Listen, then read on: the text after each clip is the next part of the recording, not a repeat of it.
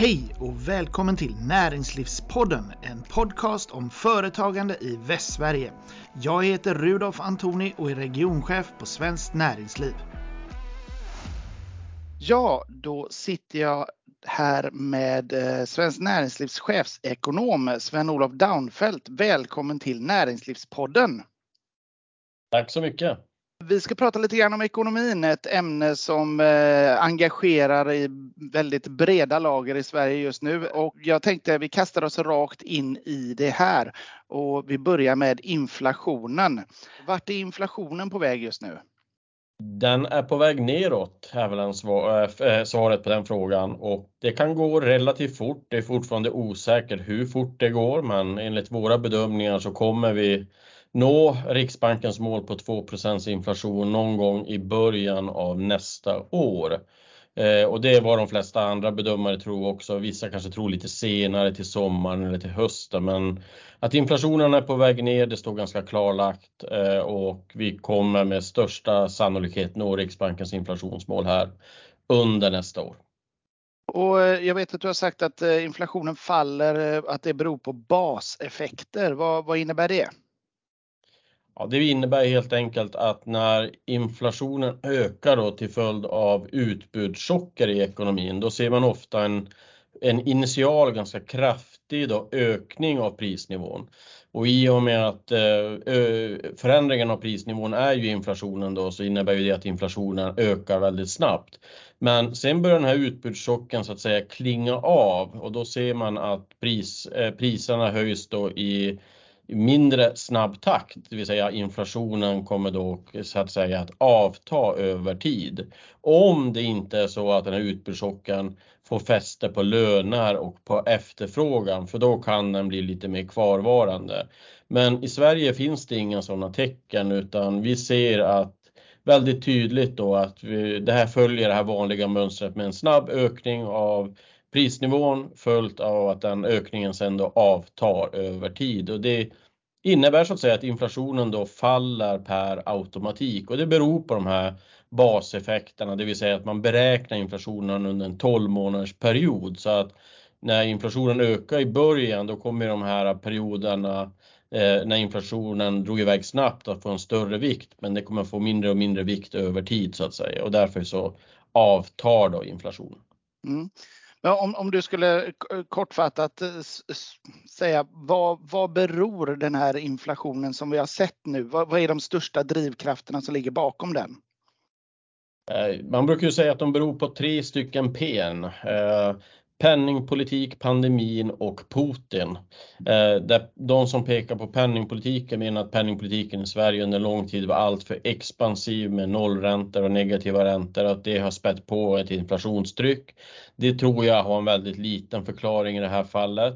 Eh, sen så har man då pandemieffekten och det innebär ju då att vi fick leveransproblem efter pandemin som gjorde att eh, efterfrågan var större än utbudet och det drev upp priserna initialt och det hade en effekt initialt. Men den stora effekten är Putin, det vill säga Rysslands anfallskrig i Ukraina då som ledde till kraftigt stigande priser på, på energi, drivmedel, spannmål och annat. Och det har sen då så att säga spridit sig vidare i världsekonomin och framförallt i Europa och Sverige. Då. Så att det, eh, det är den stora förklaringen och mm. det är klart, Riksbanken kan inte göra så mycket åt ett krig i, i Ukraina utan eh, det är därför jag också säger att ränt, räntan har mindre effekt när eh, prisökningarna beror på helt exogena faktorer så att säga som är bortom kontroll för Riksbanken.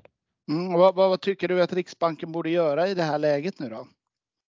Ja, men i det här läget så, så borde man avvakta. Alltså, jag är ju väldigt orolig över den lågkonjunktur vi är på väg in i. Det, det känns väldigt osäkert. Jag tycker fler och fler tecken tyder på att den här lågkonjunkturen kan bli ganska djup och allvarlig. Eh, och då tror jag att det hade varit en otroligt bra signal nu till ekonomin om Riksbanken hade avvaktat med ytterligare räntehöjningar. För hushåll och företag är väldigt, väldigt pressade. Och vi vet ändå att inflationen kommer falla ner till 2% med största sannolikhet under nästa år. Så att eh, jag tycker det finns väldigt goda skäl för Riksbanken att avvakta. Eh, tror jag att de kommer göra det? Nej, de kommer antagligen höja minst en gång till. Men skulle du säga då att, att det egentligen är eh, att Riksbanken är med och driver på den här lågkonjunkturen? Ja, definitivt och det är ju egentligen deras syfte. Alltså de, de bygger ju sin eh, penningpolitik på modeller som egentligen säger då att ja, när vi har för stort inflationstryck då ska man höja räntan och att genom att höja räntan så trycker man ju tillbaka efterfrågan och därigenom faller inflationen. Det är ju de modeller de utgår ifrån. Men de modellerna är ju mer byggda utifrån en situation där man har en efterfrågedriven inflation. Mm. Den här är ju utbudsdriven och då tror jag inte att det här har så stor effekt och det är det, det är det misstaget jag tycker man gör här. Man måste analysera vad den inflation vi observerar beror på innan man bedriver, när man bestämmer vilken politik man ska bedriva. Mm. Att, att spå om, om både om ekonomin och inflationen är ju, är ju en, en, ja, ett riskabelt eh, jobb så att säga. Det är mm. väldigt stor risk att man hamnar fel. Uh, hur, hur säker är du på, på din prognos? Hur, hur rätt brukar du och din analysavdelning ha i de här frågorna?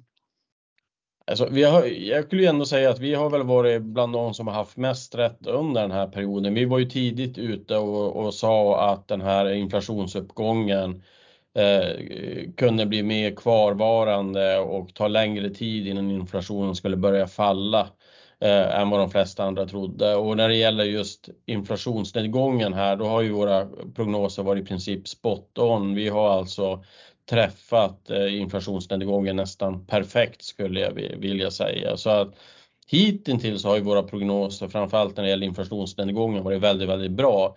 Men det är ju ingen garanti för att de kommer vara det i, i fortsättningen. Där, man får, där får man ju vara ödmjuk också och säga att det är ju prognoser och det är mycket som kan inträffa. Många ointräff, alltså så här, men Sannolikt är ändå det här, det som jag berättade om är det vi kommer se, det vill säga att inflationen är på väg ner och att den kommer nå 2% Jag har väldigt svårt att tro att det inte ska bli fallet.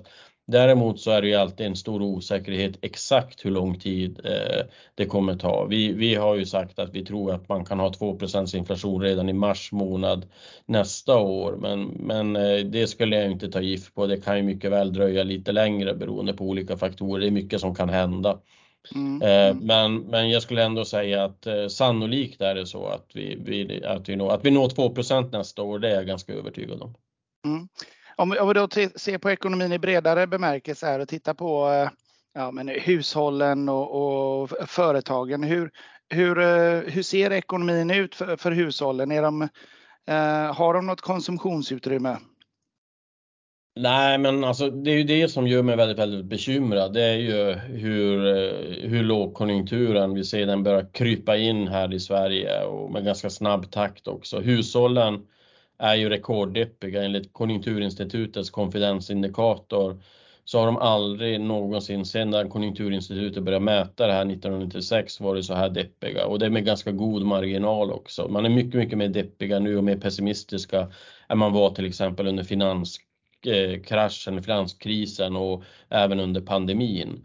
Mm. Eh, och jag tycker det finns ju goda skäl till det. Man är otroligt pressad. Alla priser har ökat. Även om inflationen faller så kommer prisnivån vara kvar på en högre nivå.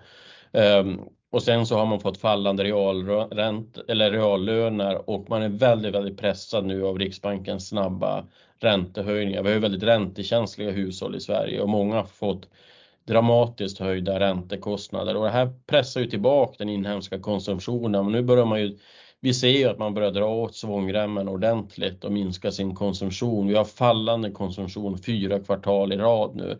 Har inte hänt sedan 1993. Eh, och det är klart att det här får en stor påverkan på företag i Sverige som är så att säga riktade mot, eh, mot den inhemska konsumtionen och som är väldigt beroende av den inhemska konsumtionen. Mm. Hur, hur ser det om, om hushållen är rekorddeppiga? Är, är företagen det också? Hur ser deras eh, planer ut när det gäller investeringar så framöver? Ja, det vi ser i våra mätningar är ju att det faller och att det faller ganska snabbt och att man, man har blivit allt mer pessimistisk över tiden eh, oavsett om vi mäter antal anställda, eh, förväntade investeringar eller försäljning så blir man mer och mer pessimistisk om framtiden och det är framför allt företag inom de här mer konsumtionsnära branscherna som är det som besöksnäring, handel, men även byggbranschen då, det som, där i princip har tagit totalstopp eh, och det är ju för att de är så räntekänsliga. Så nybyggnationerna kommer mer än halveras i år och det ser inget bättre ut nästa år. Mm. Arbetsmarknaden då? Hur, eh, hur ser, eh, ser det ut där? Är det, är det risk för, för varsel och uppsägningar tror du? Absolut, det är absolut risk för varseluppsägningar men det man får komma ihåg här är att vi har redan en väldigt svag arbetsmarknad i Sverige. Vi har en arbetslöshet som är strukturellt hög på mellan 7-8 procent. Det är alltså bara Italien, eh, Grekland och Spanien som har högre arbetslöshet än vad vi har i Sverige. Vi har haft det här sedan 90-talskrisen, så vi har inte haft full sysselsättning på, i Sverige på över 30 år. Eh, vi har en enormt tudelad arbetsmarknad med stora grupper, framför allt lågutbildade utrikesfödda som är eh, som står utanför arbetsmarknaden. Företag som söker personal har jättesvårt att hitta personal. Det finns inte kompetens personal att få tillgång till. Så att vi har enormt stora problem och redan en svag arbetsmarknad. Och nu går vi in i en lågkonjunktur där vi ser att företagen är pressade och ungefär vart fjärde företag uppger i våra undersökningar att de ser att det finns en risk att de kommer behöva varsla inom de kommande sex månaderna. Och vi ser också att konkursrisken har ökat ganska dramatiskt under senare tid. Och ehm, med det i åtanke så eh, kan man ju önska sig en, en politik som möter upp mot eh, den här situationen vi ser. Men jag vet att du har varit, när regeringen presenterade höstbudgeten så har du varit ganska kritisk eh, mot den. Skulle du kunna utveckla lite grann? Finns det någonting som är bra med höstbudgeten? Ja, absolut. Det finns där? bra det finns bra saker i höstbudgeten. Det kanske vi eh, påtalar eh, lite för, lite för sällan för att man blir ofta fast på de här lite mer negativa sakerna. Men generellt sett så tror jag de flesta är ganska överens om att satsningarna på att stärka elförsörjningen, stärka försvaret, stärka rättsväsendet, eh, förbättra migrationspolitiken. Allt det här tror jag de, de allra, allra flesta står bakom om de, de satsningarna. Sen finns det andra bra saker också. Man, äntligen får man väl säga så inför man ju de här etableringsjobben eh, som vi har, vi parter då föreslog eh, redan hösten 2017. Eh, och etableringsjobben, eh, för att förklara det för lyssnarna så innebär det ju att eh, om en arbetsgivare anställer en långtidsarbetslös eller en nyanländ så istället för att betala ungefär 30 000 kronor i månaden i, i lön inklusive arbetsavgifter så behöver arbetsgivaren bara betala 9 000 kronor i månaden. Och sen kommer staten då att subventionera upp den här arbetstagaren upp till rådande ingångslön. Mm. Så det här är ju tror jag, det bästa som finns på bordet för att få de här som står lite längre från arbetsmarknaden in på arbetsmarknaden. Och vi ska komma ihåg att det är enorma samhällsekonomiska värden som förslösas på att vi har folk i arbetsför ålder som går hemma och inte arbetar. Och vi vet att den här typen av utanförskap går i arv, så ser du inte dina din mamma och pappa gå till jobbet på morgonen, ja då är det mycket, mycket mer sannolikt att du inte kommer gå till jobbet på morgonen. Så det här är, det här är en viktig åtgärd, men den kommer alldeles för sent det är bättre att den kommer nu än att den inte kommer alls, men det är alldeles för sent. Det, vi hade behövt den här åtgärden under en högkonjunktur när det var lite mer tryck på arbetsmarknaden, för nu kommer den i en lågkonjunktur och jag tror att vi kommer få ett pedagogiskt problem här när, när folk samtidigt förlorar jobb eh, och så kommer det in som, eh, folk med etableringsjobb och subventionerade anställningar.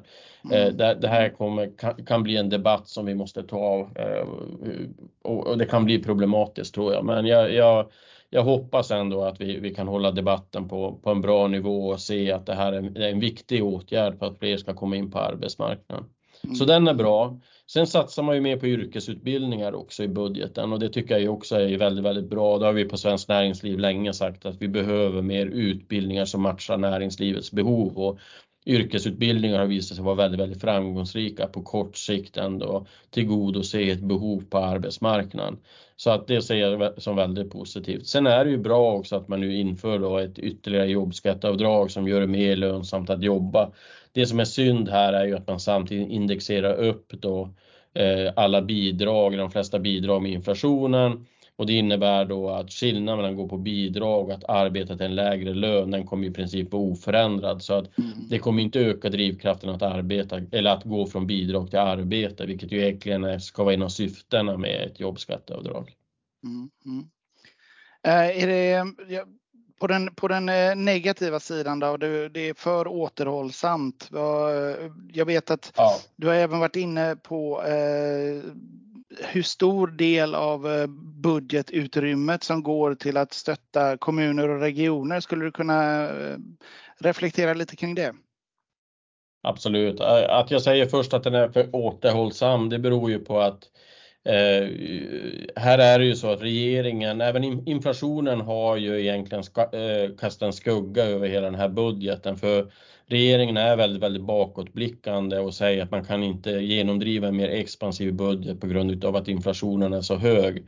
Jag menar ju att man är fel här, att man måste vara framåtblickande när man lägger en budget, för den kommer ju få sin effekt nästa år. Och då vet vi ju som vi tidigare pratade om att inflationen kommer vara nere på 2 eh, eller, eller i närheten av 2% Så jag tycker inte att man hade behövt vara så här återhållsam utan att det fanns utrymme för fler reformer som stärker Sverige och stärker svensk konkurrenskraft. Eh, när det gäller eh, prioriteringarna i budgeten så är de stora vinnarna här kommunerna och regionerna. De får ju alltså 40% av höstbudgeten, reformutrymmet i höstbudgeten, 16 miljarder. Och då kan man ju fråga sig, ja men är det inte bra då att det här ska gå till vård, skola och omsorg och eh, stärka välfärden? Och det, det, är, det är väldigt viktigt att vi har en stark välfärd, men det man ska komma ihåg här att kommuner och regioner bara de tre senaste åren har gått med 167 miljarder kronor i överskott. Och eh, större delen av det här överskottet har man pumpat in i sin balansräkning genom en ökning av det egna kapitalet. Eh, och jag menar ju här eh, att det är orimligt att vi hela tiden ska strössla pengar över kommuner och regioner som har en god och en stark finansiell ställning som måste kunna klara av tillfälliga underskott och det är det det här är. Det är tillfälliga underskott i deras budget 2023 och 2024. Det borde de kommuner och regioner som klar, kan klara av det med egna medel ska göra det med egna medel. Vi ska vara försiktiga med skattebetalarnas pengar för att de har en bättre alternativ användning i det här bekymmersamma läget vi är i. Att så att säga stärka, genomföra reformer som stärker svensk konkurrenskraft och stärker svensk tillväxt. Det i sin tur gynnar ju kommuner och regioner, för kan man stärka tillväxten, få in fler jobb, ökade inkomster, ökad produktivitet, ja då kommer ju också kommuner och regioner få ökade skatteintäkter. Så det här är en politik som gynnar även kommuner och regioner på, på sikt. Mm. Ja, men, eh, om vi eh, summerar nuläget så är det ganska, ganska deppigt eh, och varken Riksbanken eller regeringen i sin politik gör tillräckligt för att vända den här utvecklingen i din mening. Och då undrar jag med den här lite dystra intervjun som vi har haft här nu. När får jag sitta här med en ganska munter Sven-Olof Daunfeldt som säger det går bra för Sverige, vi är på rätt väg. Och här är du verkligen ute och simmar på djupt vatten. Men... Ja, nu är jag ju verkligen, för det är ju så mycket det här beror på. Men, men jag hoppas ändå, säg, eh, om vi har den här intervjun om ett år, då, då tror jag ändå att läget kommer se helt annorlunda ut. För att då kommer ju då inflationen antagligen att ligga där runt 2% vart det ska ligga, till och med kanske något under det är inte helt omöjligt att Riksbanken har börjat sänka räntan.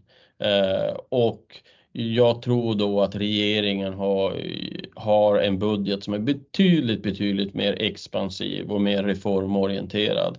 Eh, så att jag tror att jag kommer vara mycket mer positiv nästa år vid den här tiden. Det enda man hoppas är ju att det inte är för sent då, för det är ju, ekonomi är så mycket psykologi så att risken är ju att när alla börjar tro att det här kommer gå riktigt illa så kan det här bli man säga, en självuppfyllande profetia nästan. Mm. Eh, och det är det, och det kan gå ganska fort och det är det som, som oroar mig.